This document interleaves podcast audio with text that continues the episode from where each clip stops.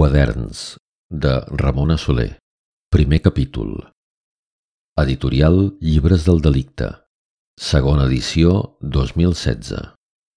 Veu Maribel Gutiérrez, de En veu alta, enveualta.cat. Des que l'he mirat als ulls, un corrent elèctric m'ha pujat per l'espinada i m'ha omplert d'aquella sensació negativa que t'invita a posar en alerta els sentits. Però no saber mesurar la curiositat sempre ha estat un dels meus defectes. I malgrat l'aureola de perill que ens estava envoltant, o precisament per això, he decidit seguir-la. Fa massa temps que tinc aquestes sensacions estancades i notar-les de nou em torna a fer sentir viva. La dona m'ha dit que al soterrani trobarem una porta amagada que dona a la casa veïna, propietat seva, on no viu ningú i on van guardar les coses de la Gemma quan va morir. Si això és cert, potser puc trobar moltes respostes. Va ser un suïcidi la seva mort? O, com jo sospito, un assassinat? Em serveix un got d'aigua per fer una mica de temps. El cap em va mil i el cor bombeja amb força. Puc refiar-me d'una persona que sé que pateix desequilibris emocionals i potser també pèrdua de memòria? D'altra banda, jo mateixa fa temps que estic bastant desequilibrada. Trobaran l'esborrany del que he escrit fins ara si no torno? Espero que sí. Deixar pistes a la vida real no és tan fàcil com fer-ho en una novel·la.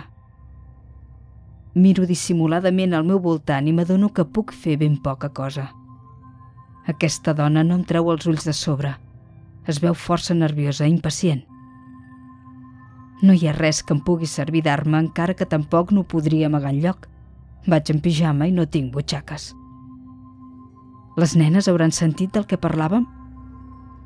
Sabran on hem anat si algú els ho pregunta?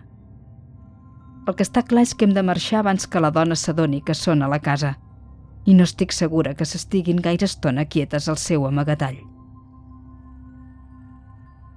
Deixo el got i torno a mirar aquella cara plena d'arrugues, envoltada d'uns cabells curts, ressecs i despentinats. La dona m'engrapa el braç i l'estira amb una força que em sorprèn per la seva aparença fràgil i la seva avançada edat. Cada cop està més neguitosa. Comencem a caminar cap a les escales. No ens podem entretenir. Si ell torna, no t'ho podré ensenyar. Ell ve cada dia, em fa prendre aquelles pastilles que no em deixen pensar amb claredat. Si veu que no sóc a casa, em buscarà. Ja no em fa tanta por. Comença a fer-me pena. El soterrani és fred i humit. Li costa una mica trobar la porta que comunica les dues cases. Està tapada per andròmines de tota mena, però es nota que sap el que es fa. No és el primer cop que hi passa em fa travessar primer a mi. Em suen les mans, encara que les noto completament gelades. Un forat amagat rere sacs de brutícia i malandressos no convida precisament a entrar-hi, però la curiositat, altre cop, pot més que la por o el fàstic. Quan sóc a l'altre costat no veig res. Sento un clic i l'estança s'il·lumina amb una claror groguenca i polsegosa parets gruixudes de pedra, sostre de vigues robustes encara que una mica corcades. Olor de pols, humitat i alguna altra cosa que no sé identificar. La dona camina decidida, em passa pel costat i baixa uns quants graons més. La segueixo. Un altre llum. Una estança petita on hi ha dues portes de fusta massissa. S'encara la de la dreta, l'obre i es disposa a entrar em mira i diu Tot el que busques és aquí. I jo hi entro decidida. Pensa en positiu. Recordo que em va dir la psicòloga en l'última sessió. No ho oblidis. Intenta pensar en positiu.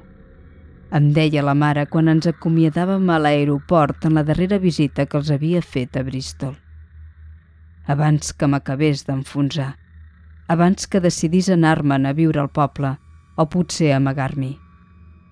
Pensa en positiu, pensa en positiu. Intentant ignorar les punxades que noto al cap, el mareig i les ganes de vomitar, torno a obrir els ulls a poc a poc. I l'únic que puc pensar és que no resulta gens fàcil ser positiu quan el teu company de cel·la és un esquelet.